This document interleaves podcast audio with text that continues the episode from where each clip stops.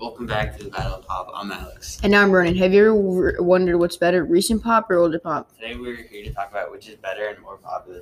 We're going to talk about two famous pop artists, Katy Perry and Madonna. Katy Perry is a newer pop artist, and Madonna is an older pop artist. In my opinion, Madonna's better. I think Katy Perry is better than Madonna. No way. Madonna has five award awards and was nominated six times. In 2006, she won the World's Best Pop Artist Award. This is very impressive. She has three Best Female Soul Singer awards, and Madonna has been nominated 28 times in the Grammys and won seven.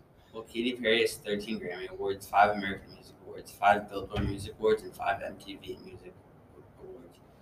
She also has won 4 Guinness World Records, all for the number of her Twitter followers.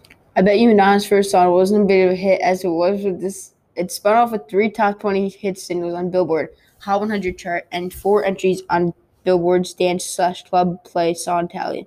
Its first single, Everybody, was actually released the previous year in late 1982. The song became a hit in dance clubs, especially Madonna's then home of New York. This was Madonna's first big hit. Katy Perry signed with the Red Hill Records and released her debut studio album. After that being unsuccessful, she signed a recording contract with Capitol Records in April 2007. She then released her second album, One of the Boys. This album had the song "I Kissed a Girl," which become which became very popular and became her first biggest hit. That's and all, but let's move on to the early life.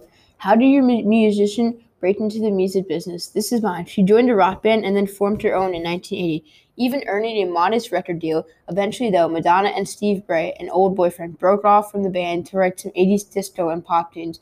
Madonna shopped around one of these things, Everybody, as her first demo. Katy Perry was given a guitar for her birthday from her parents. She began singing in churches from age 9 to 17. She started to take singing lessons when she was 9. Ever since then, she has loved singing. What is Madonna's biggest hit?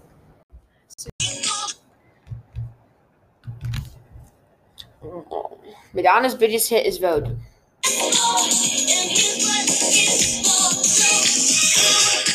This song shows how she sings because she's a pop artist and her song is the most iconic song.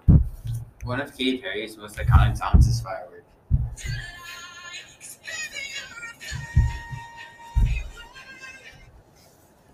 Firework shows how Katy Perry sings because it is her most famous song and is also pop. Similar song between Katy Perry and Madonna are Walk on Air by Katy Perry and Sky Fits Heaven. Both songs are fast tempo and happy songs. Has your artist done any live performances? Yes, Katy Perry did a Super Bowl performance. She had Lenny Kravitz and Missy Elliott as backup singers. Every song she performed had a huge background and stage to fit the song. What about Madonna?